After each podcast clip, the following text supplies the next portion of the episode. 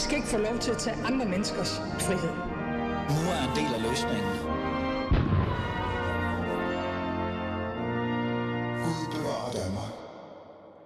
Gud bevarer Danmark som altid. Klokken er blevet 12.06, og du lytter til Alis Fæderland. Og velkommen til 24-7. Så er det sagt, og så kan vi komme videre med livet. I dag skal vi tale om noget helt andet end 24-7, eller øh, hvordan det vækker følelser i folk. Men alligevel, så skal vi faktisk tale om noget, der vækker følelser af folk. Det vi skal tale om i dag, det er faktisk kvinder i islam.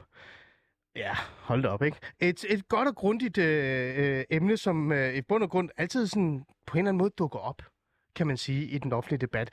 Det gør den jo, fordi man har nogle stereotype forståelser og idéer og tanker om, hvad det egentlig er, altså, eller hvordan det egentlig er at være en kvinde øh, og være muslim. Det må man jo på en eller anden måde øh, erkende, især hvis man kigger på den offentlige debat de sidste 3, 4, 5, måske endda 10 år i bund og grund. Men hvorfor vælger kvinder i fædrelandet at konvertere til islam, hvis det virkelig er så kvindeundertrykkende og frihedsberøvende, som vi går og tror, i hvert fald mange af os, eller eller i hvert fald en stor segment i den offentlige debat, der gerne vil have, at vi skal forstå det sådan.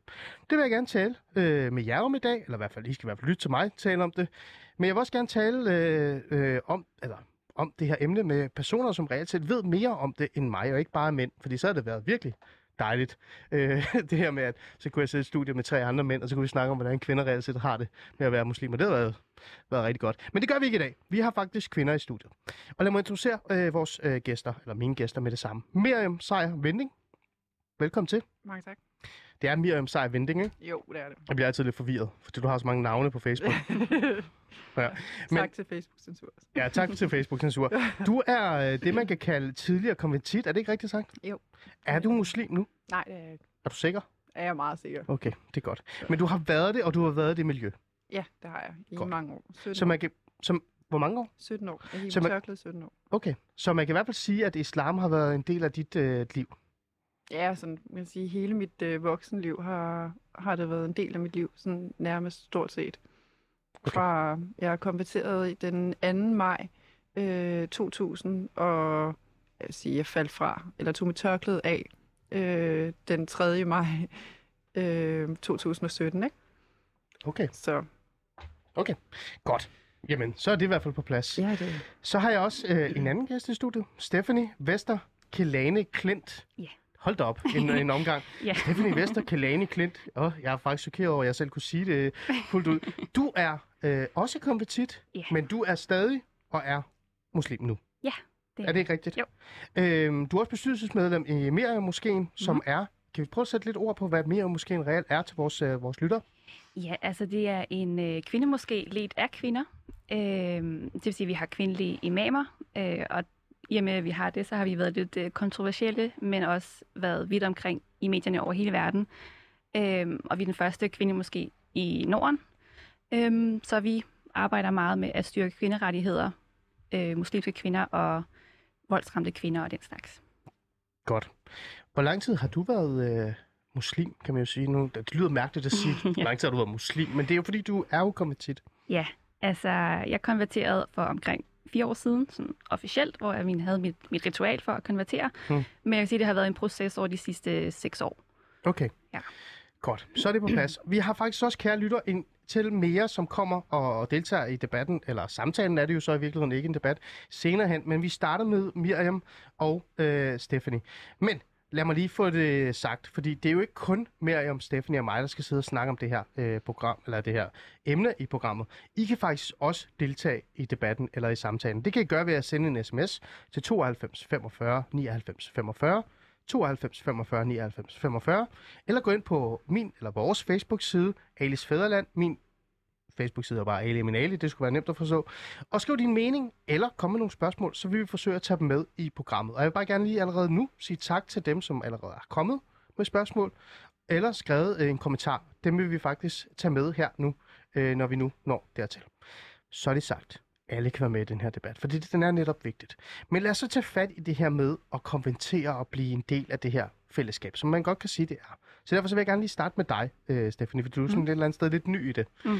Jeg kan huske, øh, da jeg ringede og spurgte dig, eller da vi talte sammen omkring, om du skulle være med i det her program, så var du sådan lidt forbeholden. Altså du var sådan lidt, du skulle lige vide, hvad er det, jeg skal være med i? Hvorfor er det, jeg skal være med i det her? Øh, og det er ikke noget nyt for mig, når jeg snakker med, med kvinder med, øh, med muslimsk baggrund, eller er blevet en del af, af den her. Fordi man er sådan lidt opmærksom, og man er lidt usikker på, hvorfor er det, man nu skal have fokus på det her. Præcis. Samtidig sagde du også til mig, vi skal ikke snakke om for meget, øh, altså sådan, du ved, forskellige sådan, teologiske begreber, fordi ja. Jeg er jo ny. ja. Og så sagde jeg, "Nå, okay, hvor ny er du? Jamen, jeg har været det i fire år, ikke? Så sådan, okay, Jo. så ny er du heller ikke. Hvorfor var det, at den her, altså, øh, det her forbehold allerede var der, da jeg bare kontaktede dig, i forhold til at komme og snakke om det her med at være øh, konvertit og, og muslim? Altså, øhm, det vil nok ikke overraske folk, hvis, hvis man siger, at det er lidt, øh, lidt vanskeligt at være muslim i Danmark, at der er trods alt rigtig mange fordomme og en hel del islamofobi. Øh, også rigtig meget rettet mod kvinder. Jeg føler ofte, at de aggressive typer bliver rettet mod de kvindelige muslimer, måske fordi det er lidt nemmere. Øh, så, så når jeg bliver spurgt ind til min religion, så er det forbeholden, fordi skal jeg nu udstilles som en eller anden øh, tosset konvertit, der ikke ved, hvad hun står indenfor, og altså, jeg, jeg er blevet kaldt alverdens på sociale medier alene på grund af min mand, som er offentlig. Øhm, eller er det en reel interesse i mit ståsted og min baggrund og min personlige rejse? Øh, og det er jeg helt åben for at dele om, men hvis det skal bare være sådan, at jeg bliver hængt ud, så, så vil jeg hellere altså, sige nej tak. Okay, interessant. Miriam, øh, samme spørgsmål nærmest til dig. Øh, det er jo ikke, fordi det er svært at få, at, at få dig til at tale om din, din historie, din baggrund mm. og din viden omkring det her med at være en del ja. af det her, eller har været en del af det her miljø. Mm. Du har skrevet klummer i information, og øh, så vil det politikken også, for den Ja, sags skyld også. Var det Berlingske, ja. Så du er jo meget åben omkring din, din baggrund og dine. Ja. oplevelser. Men hvis vi nu vender tilbage til Miriam Mm. med tørklæde på, Ja. øh, og lige får dig til at reminisce over det Ja. lidt. Øhm, havde du også den her øh, følelse af at bare være muslimsk kvinde øh, og gå ned ad gaden, eller blive kontaktet omkring ens religion, eller hvis nogen, der stillede sig op og spurgte dig noget, at så blev du sådan lidt, åh, hvad nu? Jamen, man gik altid i forsvar, forsvarsposition, fordi man vidste ikke, hvad folks udgangspunkt var. Mm. Øhm, fordi at, at nogen spørger af nysgerrighed. Nogen spørger af nysgerrighed, fordi at, at de bare gerne vil vide mere om det. Men nogen spørger også, fordi at, at altså, de vil egentlig ikke have en dialog. De vil egentlig bare have en undskyldning for at svine en til, mere eller mindre. Mm. Øh, og det er ikke altid lige rart. Altså, jeg har oplevet syge ting. Jeg har stået, stået i, på et, et lyskryds og blive svinet til. Jeg blevet sagt, at jeg skulle skride hjem til mit eget land og sådan noget. Ikke? Mm. Altså dengang jeg havde tørklæde på. Altså så kan jeg jo godt genkende den der islamofobi, som, som folk taler om. Ikke? Øh, og det er også derfor, at jeg har en forståelse for, for, for de her kvinder, som, som taler om de her ting, som de har oplevet. Til gengæld så synes jeg også, at man selv har et ansvar. Mm. Mm. Fordi jeg har også set, hvordan muslimske kvinder tager afstand fra øh, danske normer. Ikke? Øh, så det er jo sådan lidt, altså den går begge veje, og der, der mangler jeg også lidt, at man tager et ansvar også fra den anden side af. Mm. Øh, og Ja. det er jo netop derfor, at jeg er en del af debatten, fordi jeg synes, det er sådan lidt, det bliver nødt til det her, det bliver nødt til at blive talt højt om, Mhm. ikke? Så den her idé om, at den stereotype forståelse af en muslimsk kvinde øh, eksisterer jo i virkeligheden. Mm. Og det er jo den, man reagerer på, fordi man tænker, åh oh, nej, det er den, man møder. Nu skal jeg forholde mig til den stereotype forståelse af en muslimsk kvinde, så derfor så går jeg i, i, lidt i forsvarsmål i virkeligheden. Øh, hvis jeg går tilbage til, øh, til dig, øh, hvad hedder det, Stephanie, bare lige for at være sådan lidt... Øh, altså, det her med at blive en del af, af islam og konvertere. Øh, jeg er jo interesseret i at høre, øh, hvordan det så skete for dig. Mm. For nu sagde du ja til at være med i programmet, og, Ja. og jeg prøvede og jeg fortalte dig at bruge magt ud af tid til at fortælle dig, prøv at det er ikke det. Vi skal ikke, jeg har ikke tænkt mig at spørge dig, hvorfor er det, du øh, går ind for sharia. Det er ikke det, vi skal snakke om nu. Det kan godt være, vi kan snakke om det senere. Men, Ja. men hvad var det så, der gjorde, at du blev draget til at lige pludselig tænke, hmm, det er måske noget for mig? Altså, det startede med, at jeg mødte min øh, nuværende mand, som er fra Syrien, og han er muslim. Øh, så snart jeg siger det, så bliver jeg mødt med fordommen om, så er du bare konverteret på grund af din mand, men det er jeg ikke. Det kommer vi ind på lige om lidt. Bare rolig. Ja. Det skal, nok, det skal jeg nok spørge dig om alligevel. Så, øhm, men altså, det var ham, der introducerede mig til islam. Øh, på helt naturlig vis. At man bliver nysgerrig på ens partner, og hvordan de lever, og hvad de tror på. Øhm, og han viste mig en islam, som jeg ikke kendte til. Øh, og for at være ærlig, så havde jeg nok ikke mm, altså, gået ind i islam, hvis jeg ikke havde mødt ham. Fordi øh, Islam har ikke et særligt godt ry i Danmark, så det er måske ikke den religion, man opsøger som dansker, hvis man er søgende, øh, hvilket jeg var. Øh, jeg har været religiøst søgende, siden jeg var ung, og har ikke helt kunne føle... Øh, jeg faldt mig ikke til pla- på, på plads i kristendom, og søgte ligesom rundt i buddhisme og hinduisme, og sådan søgte i forskellige religioner, øh, men islam kom ligesom ikke naturligt op, før jeg, jeg mødte min mand, som introducerede mig til islam. Nu er du jo øh, dansk født, er det rigtigt så? Jo. Du er etnisk dansker. Ja. Det hedder Steffen i hvert fald. Det er meget langt. Det er Vesterkling, Kelani og Klint. ikke? Øhm, øh, hvis du var spirituelt søgende øh, og, og alt set var et spirituelt menneske, er det ikke det, du siger? Jo. Øh, det var det, der sådan på en eller anden måde gjorde, at du begyndte at blive interesseret for det, han begyndte at snakke om. Mm. Øhm, hvorfor var det så, at du ikke bare blev kristen? Eller øh, katolsk, øh, et eller andet, eller sådan noget. Der, der er der masser af muligheder. Øhm, Altså, jeg er jo altså, jeg er opvokset i sådan en kulturkristen familie, øh, konfirmeret og døbt og alting. Øhm, og så gik jeg ligesom i sådan lidt dybere med det, da jeg blev lidt ældre, og følte ikke, at kristendom var der, hvor jeg hørte til. At der var nogle, nogle principper, som jeg ikke kunne stå inden for, så som træenigheden og sådan, i, altså i den, den slags. Ikke? Så derfor så tog jeg lidt afstand fra kristendom og begyndte at søge andre steder og prøve at se, om der var en anden religion, hvor jeg følte mig på plads. For jeg havde en tro på Gud og noget større. Jeg kunne bare ikke finde den rigtige mm. kasse, eller hvad man skal sige, at sætte, det- Mm. sætte det i. En af myterne er jo, øh, Stephanie, lad os bare få den op nu, at, øh, at det her med, når kvinder, især danske kvinder, øh, konverterer til islam, så er det jo faktisk på grund af kærlighed. Mm. Øh, og, og myten øh, holder jo også stik, hvis man kigger på for eksempel øh, minoritetsetniske kvinder, som allerede er muslim. Altså de bliver født øh, i en familie der, der med muslimsk baggrund, og dermed, man siger jo, når du bliver født i en muslimsk familie, eller kommer fra en, så er du muslim. Brupti, tillykke med det. Du kan ikke komme ud af det der. Øhm, men man kan se det der med, at, at kærligheden er faktisk med til at egentlig at øh, på en eller anden måde at rykke øh, øh, de her kvinder længere øh, hen til den konservative forståelse af islam, eller faktisk bare introducere dem for islam, og så bliver det en del af det. Øh, du siger jo faktisk, at, at du blev muslim, fordi din, du mødte din nuværende mand. øh, det holder jo stik så, en af de her myter. Det er jo reelt set bare, fordi du mødte en mand, og så tænkte du, Nå, så vil jeg også finde noget til fælles med ham. Eller hvad? Nej, det vil jeg ikke min. Øh, og min mand havde fra starten af, altså han sagde helt klart og tydeligt, at jeg forventer ikke, du skal konvertere. Det er ikke øh, et præmis fra min side af, og vi blev gift to år før jeg konverterede. Øh, og Hvordan blev du gift, bare lige for at få det på plads? Vi havde en, øh, en islamisk hvilse, Mm. som vi kunne gøre, fordi at jeg trods alt stadigvæk var født kristen og var troende, øh, og det havde han det fint med. Øh, så vi havde en islamisk hvilse, som ligesom var en form for troskabsløfte, indtil vi senere hen så blev gift øh, lovformeligt, kan man Okay. sige. Ikke? Så der var ikke noget pres fra familien, eller øh, der var ikke sådan en form for at prøve, Steffen, jeg synes, du er fantastisk, og jeg elsker dig, men det ville være nemmere, hvis du var muslim, for så kommer min mor, mamma og baba ikke efter mig. Prøv, at- det er jo også myten, det er jo også ideen, Ja, og det er jo ja. reelt set også, ærligt talt, ikke kun en myte, det er jo også øh, noget, vi reelt set forholder os til dagligt Ja. med de her kultursamstød, der er.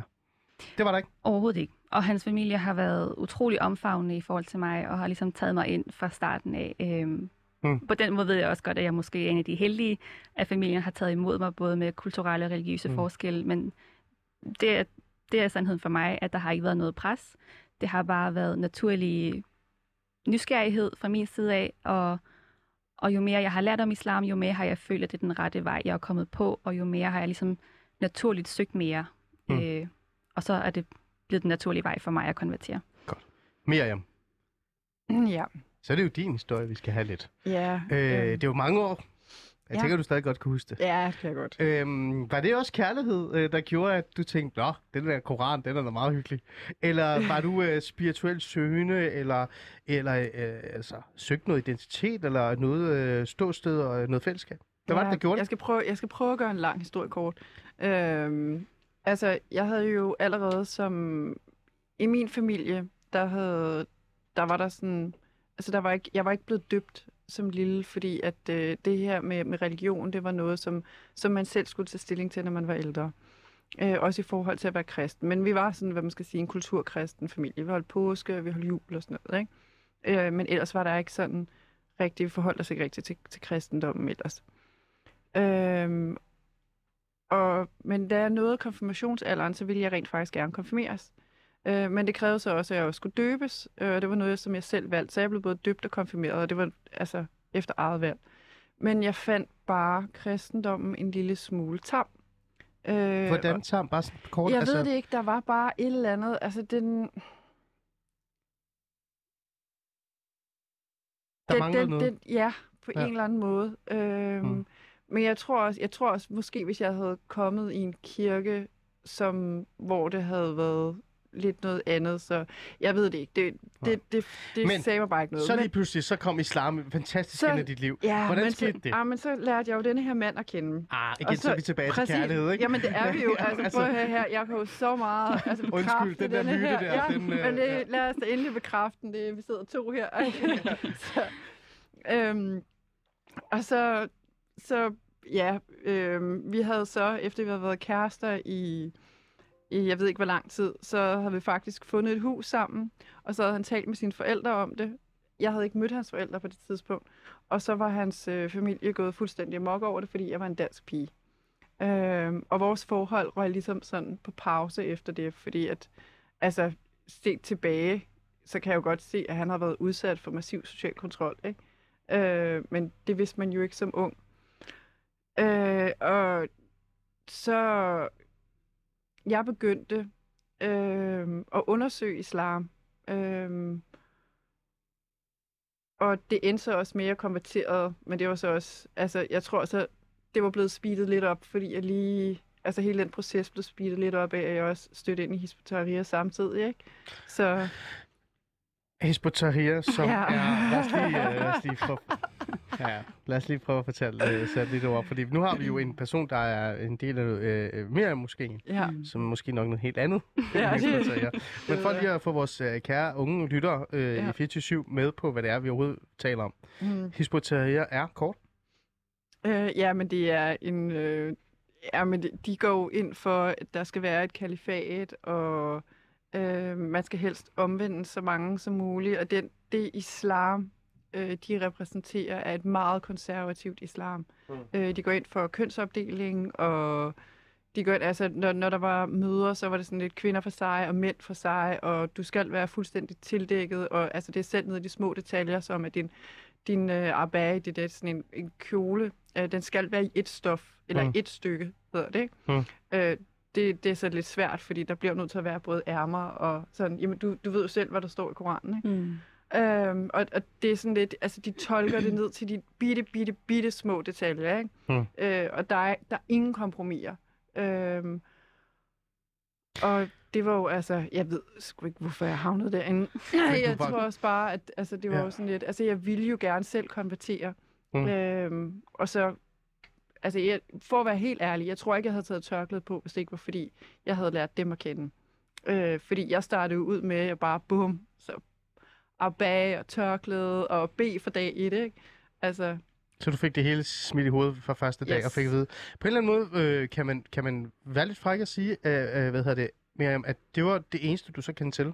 Altså hvis du skulle være rigtig muslim, så var det det. Var det det, du fik at vide? Ja. Mm. Mm. Altså, ja, men det, der var ved det, det var, at jeg havde allerede gået til undervisning i flere moskéer, inden jeg stødte øh, ind i Hisbutaria. Så, så, den måde, som det blev repræsenteret på i starten, øh, var jo ikke så firkantet. Men det var ligesom om, lynhurtigt blev der bare stillet enormt mange krav. Øh, altså, det var sådan, altså, det var lige før, jeg skulle have tørklæde på, når jeg kiggede ud af vinduet, ikke? Mm. Altså, det var, altså, jeg kunne ikke være i det til sidst, og jeg blev også, fordi jeg blev ved med at stille spørgsmålstegn ved tingene, øh, og det her med, at jeg stillede spørgsmålstegn ved islam i Hizb gjorde jo også, at jeg blev smidt ud. Øh, fordi at, at, at der var den der meget firkantede tilgang til det, og så var det sådan lidt, altså, også i forhold til haditterne, der var det... Åh, Haditterne, som er. Ja, lige- det er, det er ligesom nogle, nogle retslærte, øh, som har ligesom tolket på øh, Hvad profeten Muhammeds sædvane. Ah, okay. Så, Så det bliver sådan en form for regel i bund og grund. Det kan det godt blive til. Ja. ja som man skal følge. Ja. I hvert fald følge dem. Ja. Skal man følge. Ja. Godt. Øhm, det var så der. Det var den indgang, du havde. Så var du der. Du Ja. var en del af det her miljø i 16 år. nej, nej, øh, jeg, forlod, jeg blev smidt ud af Hizb ut-Tahrir, fordi jeg stillede for mange spørgsmålstegn. Ja, det skulle du være med. Så, ja, det er det. det, er det. Ja. Kvinder skal altså, bare generelt være med at Ja, stille så mange det det. Vi spørgsmål i islam. vi Er det skal ikke bare rigtigt? tige stille. Ja, præcis. altså. ikke? er Det kommer vi også hen til lige om lidt. Det er faktisk også en af Det er det. myterne. Men, men, så, øh, men du var muslim i, Ja. i, i, hvad var det, 16 år? 17 år. 17 år, og så brød du det. Ja. Temmelig voldsomt, Ja, det må man sige. må man sige. Ikke? Du øh, gik ind i en, øh, en forening, der hedder De Frafaldende. Foreningen Ja. ja. Frafaldende, er Ja, det ikke rigtigt? Og, og så gik du, så vidt jeg kan huske, og jeg har jo fulgt dig lidt en smule, over på den helt modsatte side, og nærmest, jeg vil ikke sige, om du selv prædikede, men du i hvert fald fortalt den her idé om, at hvis man er muslim, eller hvis man tror på islam, så kan man nærmest ikke være dansk. Eller i hvert fald ikke have danske værdier. Det er i hvert fald noget af det, nogle gange man kan høre fra nogle af de medlemmer, der er i, øh, øh, altså, i frafaldene. Det var Ja. ikke det, jeg siger, du øh, Ja, havde, ja. Jamen altså, Men jeg du synes brød også... rigtig meget den Ja. der. Sådan et, du var helt på den anden side. Ja. Hvorfor? Var det fordi, du følte dig... Altså, var det det der med den der idé eller den her forståelse om, at hvis man er en muslimsk kvinde, øh, så bliver man til sidst bare der er en, der skal være helt stille og bare sidde derhjemme og, og føde børn og aldrig være på arbejdsmarkedet. Så den der frigørelse, var det den, der forsvandt? Jamen, jeg, jeg, jeg tror, det har været en del af min frigørelsesproces, fordi at jeg havde det jo også... Altså, jeg frafaldt jo lang tid før, jeg faktisk frafaldt. Altså, i mange Ah, år var jeg, jo, var jeg jo altså, udad til muslim, uden at være muslim. Jeg følte jo ikke troen inde i mit hjerte. Altså, jeg følte mig jo ikke som muslim. Jeg havde et forhold til Gud, men, men islam havde jeg ikke et forhold til. Nej, okay. Øhm, det gjorde, at jeg følte mig efterhånden så undertrykt, at det var ligesom om, at da jeg kom ud, så blev jeg bare nødt til at bryde op. Øhm, mm. og, og, og mit opbrud med det har været sådan, altså, det har været en proces, Mm. øh, hvor jeg har sådan bevæget mig lidt sådan, hvad skal man sige, ja, det, det er sgu svært at forklare. Øhm, men, du er i hvert fald et andet sted nu. Ja, Du er, i hvert fald ikke, øh, du er i hvert fald ikke muslim nu. Nej, det er jeg ikke. Men du er også gået tilbage til at være, øh, undskyld, det jeg bruger, men ligegyldigt, det er jo mit program, jeg kan sige, hvad fanden jeg vil, lidt mere ordentligt. Fordi at der er kommet nogle mere nuancer på, på mm. Miriam nu, som mm. der var dengang, før du øh, brød. Ja. Og det er jo fordi, det kommer med tiden, fordi man skal have den her frigørelsesproces. Mm. Og det er også derfor, du sidder her nu. Miriam, når du kigger tilbage nu, den kvinde, du er nu, og den. Mm. kvinde, du var før, øh, føler du sådan nu, at, at den muslimske kvinde, den måde, man, man øh, møder hende på i forhold til de her stereotype forståelser af det, er den berettiget? Altså, eller er det øh, for sort og hvidt? Ligesom for eksempel din rejse, hvor du reelt set gik fra at være ikke øh, troende til at være stærkt troende, til så ikke at være stærkt Ja. troende. Og sådan noget. Kan du forstå, hvad jeg mener? Altså Ja. sådan det her med, er det så sort og hvidt, den stereotyp øh, øh, beskrivelse, der er af muslimske kvinder? Både og. Øh, fordi at, altså, der er jo... Ah, Jeg synes, den er svær, fordi at der er jo rigtig mange, hvor de selv vælger det. Øh, og der er jo de her enormt konservative muslimske kvinder, og så er de her mere, hvor de er sådan meget mere nuancerede, Mm. mm. øh, hvor, hvor de har en meget mere blød tilgang til det. Problemet er bare, at selvom de har den her bløde tilgang, de vil jo ikke for eksempel, når der er der... Altså, de, de vil jo ikke tage afstand for de ting, som der er. Hvor Mm. det kan du for eksempel godt, som, som hvis vi stiller op med en kristen. En kristen kan jo godt sige, ej, de her ting i, i, i Bibelen, det, det synes jeg skulle være lidt for meget. Ikke? Mm. Men det får du ikke en muslim til at sige, det der, det der i Koranen, det synes jeg skulle være lidt for meget. Det får du ikke en muslim til at sige. Mm. Fordi ifølge islam, så er det sådan lidt, som kan man godt gå hen og kalde sig selv for moderat og blød. Ikke? Men, men, men det er jo sådan lidt en dobbeltmoral. Fordi det er jo sådan ligesom om, at altså, du er kun blød ind i dit eget hoved. Altså, det er jo, du, du, altså du, du tager du ikke med videre mm. ud. Altså, Men lad mig prøve at gøre det sådan lidt kortere så, fordi jeg kan faktisk godt forstå det, du siger. Men den her idé om, at, at der kun findes to forskellige former for, ja. altså det der sådan, øh, altså sådan, eller ikke to, faktisk virkelig kun én, ikke? Mm. Enten er du ikke muslim, eller også er du muslim og muslimsk kvinde, og så mm. Lever du det liv, du levede i 17 mm. år, 16 år, ikke? Måske mindre. Altså, og nærmest bare den der lidt semi-konservative hispoteria-type noget. Er det måske ikke for stereotyp at sige, at det er kun den, der findes? Fordi nu sidder der jo faktisk Stephanie herovre på den anden side. Og lad mig lige tilføje en lille ting. I, jo- I sidder begge to her. Selvfølgelig sidder du ja. Her og ikke har tørklæde på. Men Stephanie har jo heller ikke tørklæde på. Nej. Øh, virkelig. så bare sådan kort. Øhm, er det måske for sort og hvidt og for nemt at sige, enten er du øh, nærmest hudmedlem, ja. eller også så er du øh, ikke øh, muslim? Jamen, jamen, der er jo mange forskellige slags muslimer. Altså, Mm. mm. det er jo sådan lidt, altså, der er jo, og der er jo lige præcis, altså, du har jo de her, hvad skal man sige, kulturmuslimer, som, som jeg vil sige, det er dem, der nærmest er født ind i islam, Ja. øh, som, som altså, var muslim på samme måde, som jeg var kristen, hvor det er sådan lidt, "Jamen, så holder vi af Eid, og faster måske lidt til ramadan, og sådan, du ved, ikke? Mm. Og spiser ikke svinekød, men det er sådan også ligesom der, ikke? Ja. Øhm, Okay, så der er, der er nuancer i det her. præcis. Der er jo Godt. rigtig mange nuancer, og så er der de her, hvad skal man sige, mere moderate, ikke? Og nu laver jeg sådan citationstegn, fordi at det er sådan lidt, Ja. den her moderat, det, den spænder jo vidt bredt, ikke? Ja. Men det skal vi jo... og det, er jo, øh, jamen, det er jo lige præcis den, som jeg jo nemlig også gerne vil have høre, hvordan du definerer en moderat Ja. ja. Og det kommer vi ind på lige om lidt.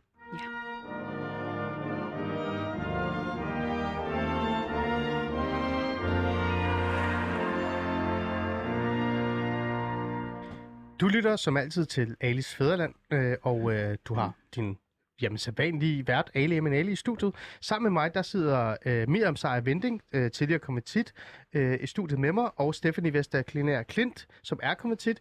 Og det, vi taler om i dag, det vi taler om i dag, det lyder som om det er et eller andet øh, BT-program, det er det ikke. Men det vi taler om i dag, det er det her med at være kvinde og, og være øh, hvad hedder det, muslim, og, eller have konverteret til islam. Men før vi sådan lige tager fat i lige det, Miriam, som du sagde der til sidst, og det er jo mm. det, det skal handle om resten af tiden. Så lad os lige invitere en, en gæst endnu mere ind i, øh, i programmet via telefon. I må meget gerne tage jeres hørebobs øh, på. Øh, Amir, er du med? Ja, hej. Hej, velkommen til, og tak fordi du også vil være med. Amir, lad os bare lige uh, sige her kort. Uh, du skulle jo have været i studiet, men, men du var så uh, et ordentligt menneske, at du selvtestede dig selv, og så fandt du ud af, at der, der var noget coronaværk. Er det ikke rigtigt? Det passer, Ja. desværre. Men, men, men tak fordi du testede dig selv, det er altid dejligt. men så er det, det er sådan noget samfundssind, ikke? Uh, apropos det der med muslimske øh, kvinder. ikke? Muslim. Ja. øh, en muslimsk kvinde, der viser samfundsvind, kære lytter. Allerede der er der en myte, der er ødelagt igen. Men, men altså, øh, Amir, meget kort, og, og vi har måske brugt lidt for meget tid på at høre på de her øh, øh, kvinder her i studiet, men jeg vil også gerne høre din historie kort. Øh, Amir, hvad er din historie i forhold til det her at være en muslimsk øh, kvinde? Så vidt jeg kan huske, eller kan gætte mig, så, så er det ikke, fordi du er konfronteret i hvert fald. Øh, det er ikke det, det, er ikke det din historie er. Nej, jeg er født kulturmuslim, øhm, kan man sige, og øh, har ligesom de andre kvinder også været meget søgende. Jeg tror ikke på, at bare fordi man er født som noget, så er man det. Øh, det er noget, jeg synes, man skal tage stilling til, når man bliver ældre, og det tænkte jeg meget over øh, i mine yngre dage, Mm. og var meget opsøgende øh, egentlig. Okay. Øhm, på samme... Ja, sorry. Nej, nej, nej, nej, bare det videre. Jamen, jamen, jeg nåede et punkt, hvor at, øh, jeg, var, jeg har altid været rimelig sådan oprørt, og ikke rigtig kunne forstå mange af ting. Øh, jeg blev, øh, hvad hedder det, jeg blev introduceret til islam, øh, mest egentlig på grund af kulturen, og, og begyndte at stille en masse spørgsmål, og øh, ja, synes selv, at jeg er ved at finde min plads her øh, nu. Øh, men, men jeg kan godt forstå øh, de pointer, de andre var kommet med omkring, at, øh, at Mm. det kan virke sådan lidt, øh, lidt hvad kan man sige, sådan begrænset øh, nogle gange. Men, øh, men jeg vil sige, det er det overhovedet ikke. Øh, faktisk tværtimod. Mm. Øh, men, men det kan jeg vel ja. Og det skal vi jo faktisk øh, snakke om nu, øh, Amir, øh, og det er jo derfor, det er skønt lige at have dig med os i studiet, fordi det, vi skal tale om her, den, øh, den anden del af, af programmet, det er jo så det her, øh, den frigjorte muslimske kvinde-fænomen. Øh, fænomen. så det, det er jo også en, øh, det er måske frækt meget at kalde en myte, men det er jo noget, folk mener er en myte, at man reelt set, altså, kan man være frigjort og være muslim, øh, i hvert fald muslimsk kvinde, Øh, og det er jo et, et, et vigtigt og interessant spørgsmål. Øh, Miriam, lad mig lige tage fat i dig igen, for lige at starte øh, samtalen op. Fordi det, du sagde, og du blev op til, det var jo det her med... Øh, det handler om, hvordan man definerer sig selv, og du sagde også lidt frækt, det, det er oppe i ens hoved selv, ikke? Ja. Men, men altså, hvis vi lige tager og dig, den frigjorte muslimske kvinde, altså, findes det, eller er det bare noget, der findes op i hovedet på nogle mennesker? Hvad tror du? Jamen, der, der findes frigjorte muslimske kvinder. Øhm, problemet er bare, at de oftest udsættes for en enorm stor social kontrol af dem, som ikke er det, som, som er de konservative øh, muslimer. Fordi at de synes, at de skal styre, hvordan de andre gør det, fordi der er ligesom kun et islam, og det, det, det er sådan, som, Deres som de måde. ser det. Præcis, ja. ikke? Øh, og det er jo også det her med, som jeg sagde før, det her med, at du kan jo ikke tage afstand for de ting, der står i Koranen. Du må jo ikke sige, at det her, det tager jeg faktisk afstand fra, fordi så er du implicit, så er du gået ud af islam. Mm. Øhm, så det er sådan lidt, altså det, der er sådan en, en, en dobbeltmoral i det. Det er også derfor, jeg kunne godt tænke mig at høre, hvordan I egentlig definerer en moderat muslim. Mm. Det er et interessant spørgsmål. Lad os bare tage fat i det. Jeg vil også gerne øh, høre, hvad I, hvordan de definerer den frigjorte muslimske moderate kvinde, er det jo så. Men, men lad os tage mere øh, spørgsmål. Lad os starte med dig, øh, hvad hedder det, Stephanie. Mhm. Hvordan definerer du den mo- moderate muslim? Jamen, øh, i mig moskeen blandt andet, der, der går vi jo ind og læser Koranen fra et ikke-patriarkalsk synspunkt. Det vil sige, at altså, der er mange fortolkninger, der er mange oversættelser af Koranen, og, og de vil altid være præget af den, der oversætter, og hvilken baggrund personen har, og det samfund, den kultur, personen kommer fra. Så, så vi mener, at Koranen er ikke kvindefjendsk. Koranen er ikke undertrykkende. Koranen prædiker diversitet, forståelse, rettigheder, kvinderettigheder. Koranen kom med en masse kvinderettigheder på et tidspunkt, på profetens tidspunkt, som aldrig var, var hørt om før. Og, og profeten gik ind og styrkede kvinder og gav kvinder en stemme og gav dem muligheder for en hel masse ting, som de ikke havde haft på daværende tidspunkt. Øh, Koranen siger også, at den er givet til alle mennesker over altid. Så derfor må man også huske, når man læser Koranen, så skal man læse den ind i et historisk og kulturelt perspektiv. Det lyder meget progressivt. Ja, Altså, det kan man jo kalde det. øh, men, men det er så et, et progressivt syn på det at være muslim. Og dermed, hvis man har det, så kan man på en eller anden måde godt være moder- moderne. Eller den moderne muslim, eller Ja, mellemmuslim. Mere, hvad kalder vi det? Moderat. Moderat, ja. Det er fordi, jeg synes, moderat er et mærkeligt ord at sige. Fordi, hvad er egentlig moderat så? Øh, men, men hvad så med den frigjorte øh, muslimske kvinde? Altså, jeg har jo grint lidt nogle gange øh, i virkeligheden øh, omkring det her med, at, øh, at man kan stå der og sige, at man er frigjort, og man kæmper for ligestilling og homoseksuelle mm. rettigheder. Jeg har jo set øh, demoer, hvor der har stået musl- kvinder med muslimsk, øh, tør, altså med, med tørklæder og det hele. Altså virkelig sådan, jeg snakker om rigtigt, det, det du talte om, Miriam, ikke? Ikke kun bare sådan en turban. Og så står de der og kæmper for ligestilling og homoseksualitet og sådan noget. Og så tænker man, tænker, men det, det, det vil jo aldrig være accepteret, hvis man gik hjem og læse bare lidt Koranen. Så hvad med den der frigjorte kvinde, der kæmper for ligestilling og LGBT-rettigheder og retten til ikke at have tørklæde på? Det, altså, er det bare en myte? altså der er jo rigtig mange emner at tage fat på, og øhm, homoseksualitet er altid et meget øh, omdiskuteret emne, og det er noget, jeg helst ikke vil komme så meget ind på, for der er trods alt en hel masse teologi i, i. Men generelt, den, den, altså den, den rettighedssikrede kvinde, den frigjorte kvinde, den synes jeg egentlig er repræsenteret i Koranen, og jeg synes, Koranen giver kvinder en hel masse rettigheder, Hmm. såsom rettighederne til at indgå i det ægteskab, hun vil, rettigheder til skilsmisse, rettigheder til, øh, altså lige Koranen siger, at begge køn er skabt lige, ikke? Ja. Jeg skal lige have øh, med, så kan du, øh, fordi jeg kan se, at Miriam hun er klar til nogle spørgsmål. Øh, fordi at øh, øh, Amir, øh, Miriams spørgsmål, det skulle du selvfølgelig også have. Hvordan definerer du den øh, moderate muslim? Og så også mit spørgsmål i virkeligheden også, bare så får du det med. Findes den her frigjorte muslimske kvinde, eller er det sådan lidt en myte? Jamen, øhm, det er et godt spørgsmål, og et, øh, et spørgsmål, der kræver meget mere uddybning, men jeg kan fortælle, at, at der er to måder, jeg ser det på. Den Mm, ene måde gerne. er øhm, den måde, I forklarer på med den der frigjorte kvinde, som måske lidt frigør sig selv fra, fra sin religion på en eller anden måde. Øhm, men så er der også den anden øh, frigjorte kvinde, som egentlig bare øh, altså, tager islam til sig, men forholder sig, som Stephanie siger, til øh, den tid, man lever i, hvilket jeg synes, at øh, der bliver glemt lidt, og, og det, det betyder ikke, at du ikke kan være, øh, at du kan leve efter din religion, og så stadig være øh, en fin del af samfundet. Øh, faktisk tværtimod. Øh, jeg tror, der, hvor misforståelsen kommer, og især på vores generation, øh, du ringede til mig i går, og, eller vi snakkede om, at jeg skulle være med, og jeg var meget tilbageholdende, og det, Ja. og det var snakket du også med Stephanie om, og det er nemlig en tendens, øh, jeg ser rigtig meget for den her generation. Øh, jeg er i, og jeg tror, en stor del af forklaringen er nemlig, det er også en del af vores frigørelse, det er det der med, øhm, at vi får lov til, at vi ved ligesom godt, at, øh, at der er en stor del af problemet, det er for eksempel rygtesamfundet, og, og det, det er noget, som ikke vi mange af os er uenige i, er en del af islam, men, men på grund af, at kulturen har så kraftig betydning, at det er en kamp, vi har valgt at tage op på den måde, at vi at vi vælger ikke at vil tage, tage del i den. Og jeg kan huske, øhm, jeg har altid selv eller da jeg var yngre, ville jeg gerne være rigtig aktiv og, og være med i den offentlige debat osv. Og, så videre. og så, Mm. Men jeg følte ligesom ikke, øh, at, jeg, at det kom nogen vegne, især med de folk, der var i medierne. Jeg synes overhovedet ikke, det kom nogen vegne. Jeg kan huske en af mine, mine gode venner, som var med til at, at starte moskeen. Han er desværre ikke med os mere. Men han sagde, han, var, han sagde til mig, at Amira, mit bedste råd er, at den måde, du skal repræsentere allerbedst, øh, den frigjorte muslim, eller den muslim, du skal være, det er bare at leve dit liv. Ikke ud og presse om det. Du skal bare være det eksempel, du vil være. Mm. Og det, har, det tror jeg, mange af os unge øhm, tager med os, det der med, at vi, vi, vi, vi prøver ligesom at, at, at, at finde den her kamp, vi skal tage, men den har også været lidt svær. Og bare lige hurtigt for at sige noget Ja, om det, gerne. der Ja, kort.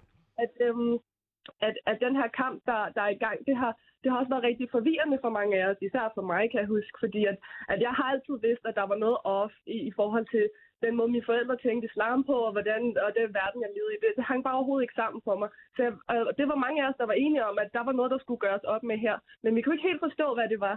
Så mange af os troede egentlig, at det var den her meget sådan, øh, vestlige feminisme, vi skulle tage på os øh, med, at... Øh, den der måde med, med den der frigørelse i, jeg tror, mange af jer tænker på, når I tænker på frigjorte kvinder. Og det tror jeg også, mange af os andre muslimske piger tog på os. Sådan, okay, nu skal jeg ud, og jeg må gerne have det her tøj på, og jeg skal have det her tørklæde af. Og, og, og jeg tror bare, øhm, når man, jo, jo mere jeg kom til at studere min religion og egentlig forstå øh, den historiske baggrund for islam, jo mere gik det ligesom op for mig, at det, det er overhovedet ikke den kamp, vi skal tage.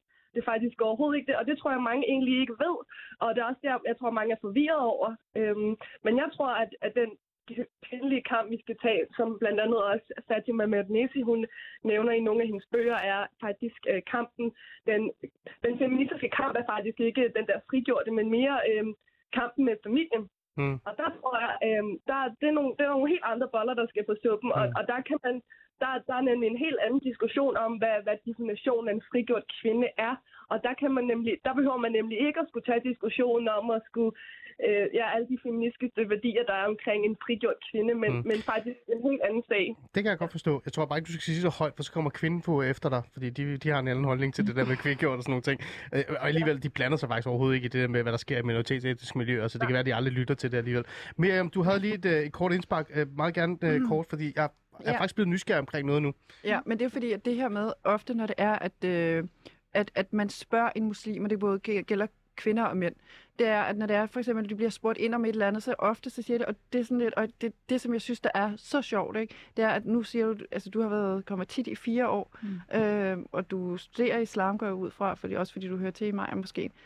Øh, det der er ved det, der, at du betegner dig selv som, altså du vil ikke gå ind i det teologiske, fordi du ved ikke nok. Jeg var konvertit i 17 år. Jeg følte ikke, jeg vidste nok. Og det er det, der er ved det, det er, at når man bliver spurgt ud om noget, så kan man kalde sig selv frigjort, frigjort i islam. Men det, der er ved det, når man bliver spurgt ud om noget i forhold til islam, selvom man rent faktisk er praktiserende muslim, jeg anser dig for at være en praktiserende muslim, øhm, så, så det er jo det, men det kan jeg ikke svare på, fordi det ved jeg ikke nok om. Hvornår ved man nok? Fordi problemet er lidt, at hvis man også for eksempel spørger imamer ud om noget i forhold til islam, så, vil de, så, så er de stille. Der er aldrig nogen, der kan svare noget, på noget i forhold til islam, så hvor frigjort er islam egentlig, når man ikke har ret til sin egen holdning? Når ens holdning hele tiden skal, skal, skal vurderes ud fra, hvad der står i en bog. Man har ikke ret til egen holdning. Du skal, burde da have din egen holdning. At du burde da have en mening til tingene, eller det kan du ikke have, fordi at din mening, den skal bunde ud i islam. Er der noget, Altså, så i, hvor, er, hvor frigjort er man så? Ja. er der noget i det, det der med, at øh, altså, nu tager vi afsæt i, i uh, islam, men nu har jeg så også arbejdet sammen med folk, eller arbejdet med folk, som har været en del af Jehovas vidner og Indre Mission, og, og jeg må indrømme, de sidder også i samme dilemma, uh, Miriam, bare lige for at sætte det på plads. Det ved jeg godt. Ja, fordi når man spørger en fra Indre Mission, hvordan du har det med homoseksuelle, så enten siger de, at de skal alle sammen dø, eller også siger de, det kan vi ikke snakke om i dag, kan vi snakke om det en anden dag, ikke?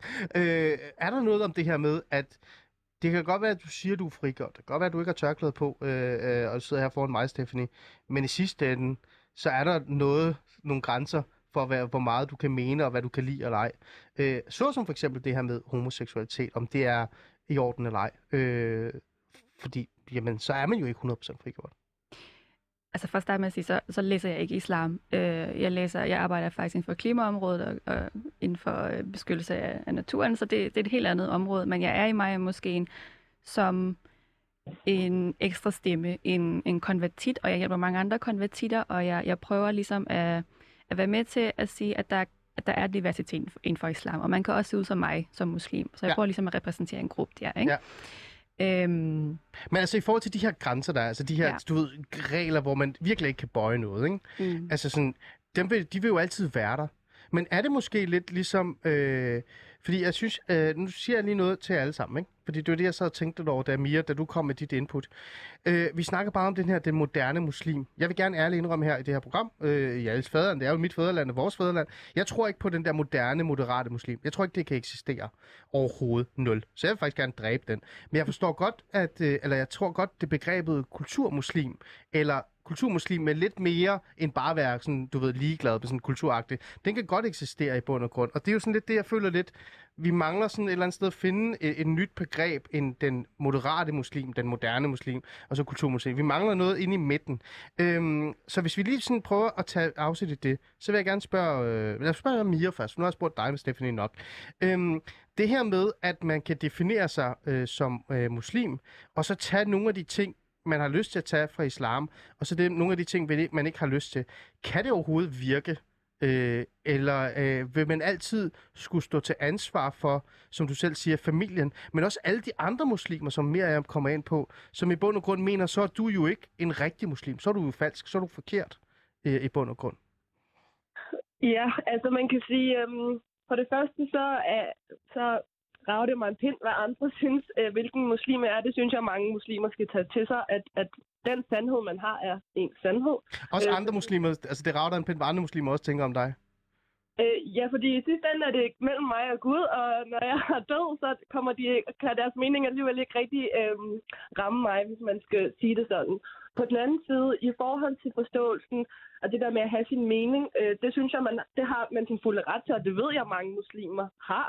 Øh, men, øh, men grunden til, at folk ikke gider at nævne deres mening, er nemlig den her helt øh, toxiske øh, miljø, vi har i, i Danmark med, at, at øh, fordi der er så meget rygte samfund, at man kan nærmest ikke sige noget, uden at, øh, at man er helt syg i hovedet. Øhm, og jeg tror snilt, at man kan have lov til at synes, at homoseksualitet øh, kan leve, altså kan, at homoseksuelle kan gøre, hvad de vil, og respektere dem som mennesker, og, og så lade være med at blande sig i, hvad de har lyst, hvordan de har lyst til at leve deres liv. Jeg synes, at det er dybt forkert som muslim at bare smide folk væk, øh, end at bare embrace folk. Øh, mm. Du ved ikke, hvordan, mm. hvordan de, hvad de går igennem. Mm. Nogle gange så kan det også virke som om, at folk er super overfladiske, ikke mm. forstår folks men baggrund. Det kan jeg godt forstå.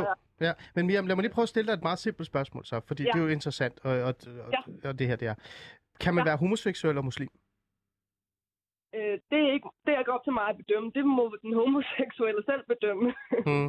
at, men, altså, men... Det, det, det, det er ikke nogen imamer, der skal til at bedømme, og det er det, jeg tror, folk ah, har misforstået i islam. Det er, ikke, det, er ikke selve, det er ikke selve imamen, der vurderer, om du er muslim. Imamen er også menneske. Imamen fejler også. Ja. Mange imamer fejler ja. rigtig meget, faktisk. Så jeg vil sige, at, at, at det, om du er muslim og homoseksuel, det, det er din sag. Hvis du har brug for retledning, hvis du har brug for guidance, hvis du har brug for at høre nogle forskellige inputs og perspektiv, der synes jeg godt, at imamer kan være til, til hjælp, okay. hvis det er det, det er der for. Men ja. ellers ikke mere. Ja. ja. Stephanie, øh, du bliver nødt til at få det samme spørgsmål. Kan man være homoseksuel eller muslim? altså, ligesom Amira siger, så... Altså, jeg er jo ikke homoseksuel, så jeg kan ikke forholde mig til det at være homoseksuel, men i og med, at de siger, at de er født, som de er, så har jeg jo også en tiltro til, at også fordi der er homoseksuel i et land, hvor det er forbudt, så jamen, må der også være noget med, at, at det er medfødt. Mm. Øh, og jeg tror ikke, at Gud har skabt os til at ryge direkte i helvede. Så derfor må jeg og også... Det er jeg glad for, fordi det har, jeg, jeg har virkelig ikke lyst til at ryge direkte i helvede. så, så det er sådan lidt... Det, det er et svært emne at tage op, fordi også som dansker, så kommer jeg jo med en holdning til det homoseksuelle miljø på forhånd, og så træder jeg ind i en islam, hvor der ofte er en anden holdning til det. Ja. Men der, der har jeg valgt ligesom at personligt tage lidt afstand fra det og sige, at det er op til Gud at dømme, og i sidste mm. ende er det Gud, der dømmer, mm. om ja. vores handlinger er. Du uh, markerede, da jeg sagde det der med, om man så bare skal være ligeglad med, hvad andre siger. Altså mm. bagfra. Altså, fordi vi snakker meget om, at det er et islamofobisk samfund øh, i nyerne. Jeg er ikke så, så enig om, at det virkelig er så islamofobisk.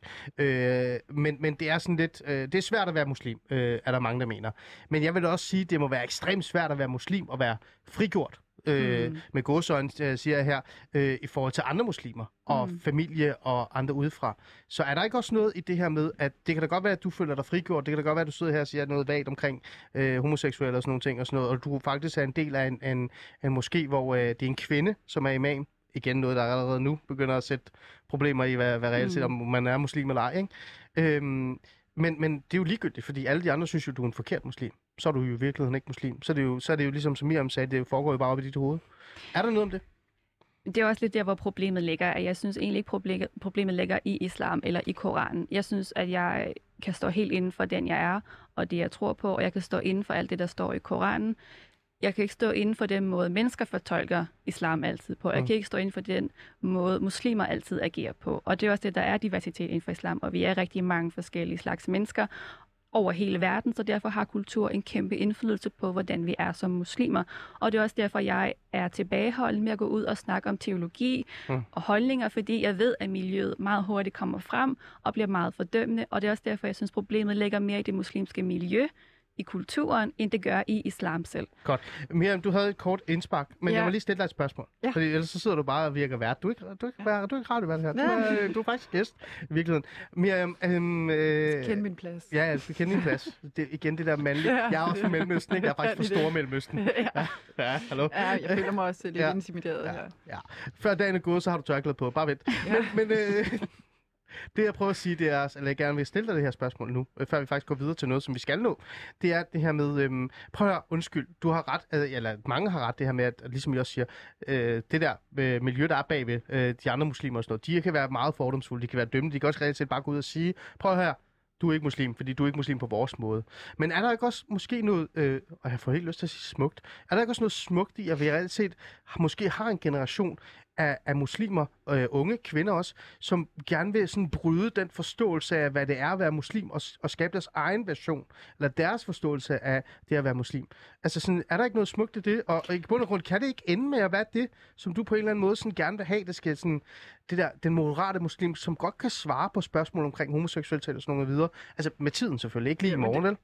Jo, men den moderate muslim kommer aldrig til at svare på det. Det kommer kun til at være kulturmuslimen. Hmm, Fordi at så, længe, så længe det er, at fordi for eksempel, vi gik fra, at, at først så var du sådan inde i den her kategori, at moderat, ikke? til at jeg faktisk kaldte dig praktiserende muslim, og den tog du bare på dig. Men mm. praktiserende muslim ligger faktisk ikke inden for det moderate.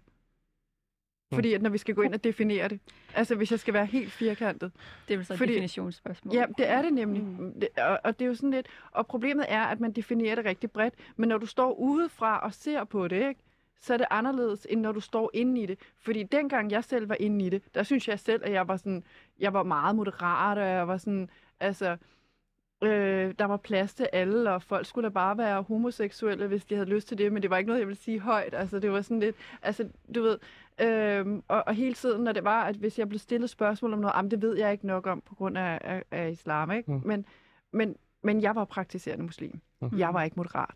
Mm. Øh, og det her med, at det, det er svært nogle gange at selv definere det, når man selv står i det.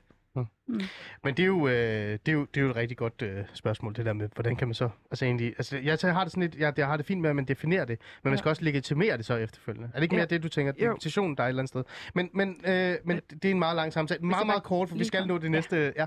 Jeg vil bare sige, at, at grunden til, at jeg nogle gange ikke går ud og, og diskuterer konkrete emner, er ikke så meget fordi, at jeg er bange for at have en mening, eller jeg er bange for at stå ved min mening, men det er også fordi, jeg har en tiltro til, at Koran er Guds ord, og jeg har ikke lyst til at gå ud og prædike noget forkert, eller misfortolke, eller øh, på en eller anden måde fordreje Guds ord i og med, at jeg føler, at jeg vil stå til regnskab for det, jeg ytrer.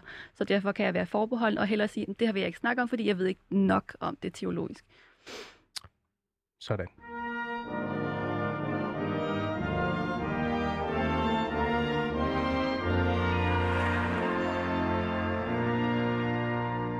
Så skal vi nå den sidste runde, den vigtigste runde. For vi har faktisk, øh, jeg synes faktisk, det har været en god samtale i dag. Synes du det, Miriam? Ja. Ja. Hvad med dig, Steffen? Mhm. Ja. Miriam, hun har haft mange flere spørgsmål, kan jeg mærke på hende. Vi, nødt til, vi laver en, en øh, 2,0'er. Det skal ikke være det. Men Amir, øh, du er jo stadig med, også øh, via telefonen. Og øh, nu skal I høre, øh, vi har jo faktisk fået en masse lytterspørgsmål og også kommentarer. Og det kan vi jo ikke altså, undgå at have med. Så, så det tænker jeg, at vi skal prøve at bruge lidt tid på øh, nu. Øhm, en, af de, øh, en af dem, som har skrevet ind, øh, det er den der klassiske myte omkring det der med, er det et problem med at være på arbejde som muslimsk kvinde? Øhm, er det, er, det, øh, altså, er det religionen, er det Koranen, der, der, der stopper jer for at tage på arbejde? Øh, Miriam, var det, var, det, var det Koranen, der stoppede dig for at tage på arbejde? Øh, nej, det var min mand. Øh, Okay, det er jo et godt svar. Så Ja, ja, det- ikke Jamen, ja, det- det, her. Hvad med dig, Stephanie? Øh, er du på arbejdsmarkedet? Nå. Det er, og det er, Det er ikke jo ikke problem. særlig islamisk. Må du lige slappe lidt af. Og det, der, der vil jeg være uenig. Godt. Øh, hvad siger du, Amir? Er det, er det et problem at være på arbejde som muslimsk kvinde? det er, ikke- jeg synes, det er sjovt, at der er sådan et spørgsmål. Nej. Nej. Det er altså ikke. Men, men spørgsmålet er så, hvis det ikke er nej, hvorfor er det så, at der er så mange muslimske kvinder, som ikke er på arbejdsmarkedet? Øh, øh, altså, selvom de har en uddannelse i virkeligheden. Øh, jamen, det er jo, Ja, Amir, bare kort. sorry, ja. Jamen, det er jo det første, jeg sagde. Det er helt klart uh, familie og kultur. Okay. Øh, Miriam, du var, du var super klar. Du Ja, det er det. Jamen, det er her jo fordi, der er rigtig mange af kvinderne, der selv vælger øh, at gå hjemme. De trives jo i at gå hjemme. De vil jo faktisk ikke ud på arbejdsmarkedet. Nej. Øh, og det her med, at du i Danmark kan få en, en, en bistand for at gå hjemme, øh, og så manden, han laver whatever arbejde, øh, det er jo sådan lidt, det passer jo rigtig godt ind i det her meget konservative, hvor kvinden går hjemme og passer børnene. Øh, du skal jo tænke på, at der er jo mange kvinder, der selv vælger det. Mm. Det er jo ikke noget, som de faktisk Ja. bliver påduttet. Så, så og, og Det passer går ind i noget kultur også, eller, men, også noget, men det virker jo som om det er kultur, det er ikke religiøs eller religion. Nej, men det er, Nej. jo, det er jo sådan lidt, altså det er, men, men der er det jo, ja, Er det hønnen og ægget? Er det det, du Ja, prøver at sige? lidt. Godt. Lad os gå videre. Øh, er der flere regler for, hvad man må og ikke må på- i privaten end hos andre religioner? Stephanie? Altså, jeg ved, at jødedom har rigtig mange forbud og påbud, så, så jeg tror ikke som sådan, at der er, er flere regler. Øh, så At der er nogle, Mm. nogle retningslinjer, man skal leve efter. Men jeg tænker for kvinden. Nej, det vil jeg ikke. Det vil jeg ikke mene. Amir, hvad tænker du? Nej. Nej, okay, det var meget kort. Stephanie, eller ikke Stephanie, øh, Miriam, kort. Ja, skal men det er jo faktisk, ja, men det er jo fordi faktisk, det, jeg kan godt lige sidde og sige nej, det er der, der, der er der en masse retningslinjer. Altså for eksempel, kvinden må ikke rejse mere end, hvad er det, øh, 50 km, 70 km uden hendes mands tilladelse eller en værge. Øh, Ej, og det- der, Det, det er jo så mundtlige overleveringer. Hov, ja, mundtlige afleveringer. Hvad sagde du, Amir? Jeg vil sige, at det, er, det vil jeg også sige er helt op til den forståelse, man har af islam. Øh, så det, det synes jeg ikke skal være en generel øh, fortolkning. Enig.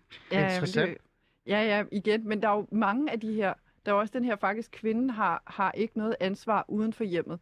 Det er mandens ansvar.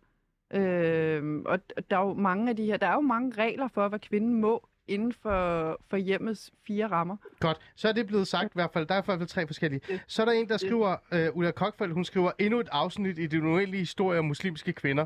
Hvorfor skal vi tale om muslimske kvinder? Øh, ved du hvad, Ulla, det er fint, du, du stiller det spørgsmål. Jeg tænker faktisk, måske er det meget godt, at vi taler om muslimske kvinder, og taler med muslimske kvinder, og, eller dem, der har været det, fordi vi netop kan være med til at definere nogle af de ting og stille nogle svære spørgsmål. Er det ikke rigtigt, Miriam? Jo, Jo. Stephanie, Amir, godt. Øh, Karl Emil skriver, at du har valgt øh, helt egen frivillige at bo i et frit, sekulært kristen samfund, og med den baggrund burde der ikke findes muslimer i Danmark. De burde alle sammen være glade for at slippe for islam. Så har I fået det. Lars Christian, Lars Christian har skrevet, når man har hørt flere afsnit fra Kora- Koranen, så kan man ikke være så være frigjort kvinde, hvis man er muslim. Det var jo lidt det, du øh, er inde på, øh, Miriam. Altså sådan det der med, man kan jo ikke være så frigjort, hvis man reelt set går op i, hvad, hvad der står direkte i Koranen. Eller, Jamen, det er også, der, er der er jo muslimer, som kalder det for fatwa shopping, fordi man forholder sig til nogle ting, og ikke Ja. nogle andre ting. Åh gud, Så- det, bliver, det, det skal være helt program, vi skal lave en fatwa shopping. Jeg ved ikke engang, hvad det er. Uh, Nette har skrevet, det er interessant simpelthen ikke. Ali, muslimer må ikke være sådan, bla bla bla. Igen, Nette uh, kommer ind på det her med, at vi skal ikke snakke om så meget om muslimske kvinder. Jeg synes mm. faktisk, det er meget vigtigt, for så kan vi få nogle nuancer ud uh, og på en eller anden måde. Eskil Dahl har skrevet, at man kan sagtens være frigjort og muslim. Mange uh, er det, og mange var det. Tænk blot på Stormellemøsten i 60'erne og 70'erne før ayatollaherne. Det er der jo noget i, uh, i virkeligheden. Miriam, du ryster lidt, du bliver sådan helt, Ja, øh, nej, nej, nej, lidt træt. nej, nej, nej, nej, nej, nej, nej, overhovedet ikke, overhovedet okay. okay, godt nok. Karen Vest øh, skriver, at man må jo spørge den enkelte. Nogle muslimske kvinder uden hijab advokerer for kønsuligstilling øh, uligestilling, end nogen med hijab. Øh, og hvis man vil diskutere frigjorthed, må man stille helt konkrete spørgsmål.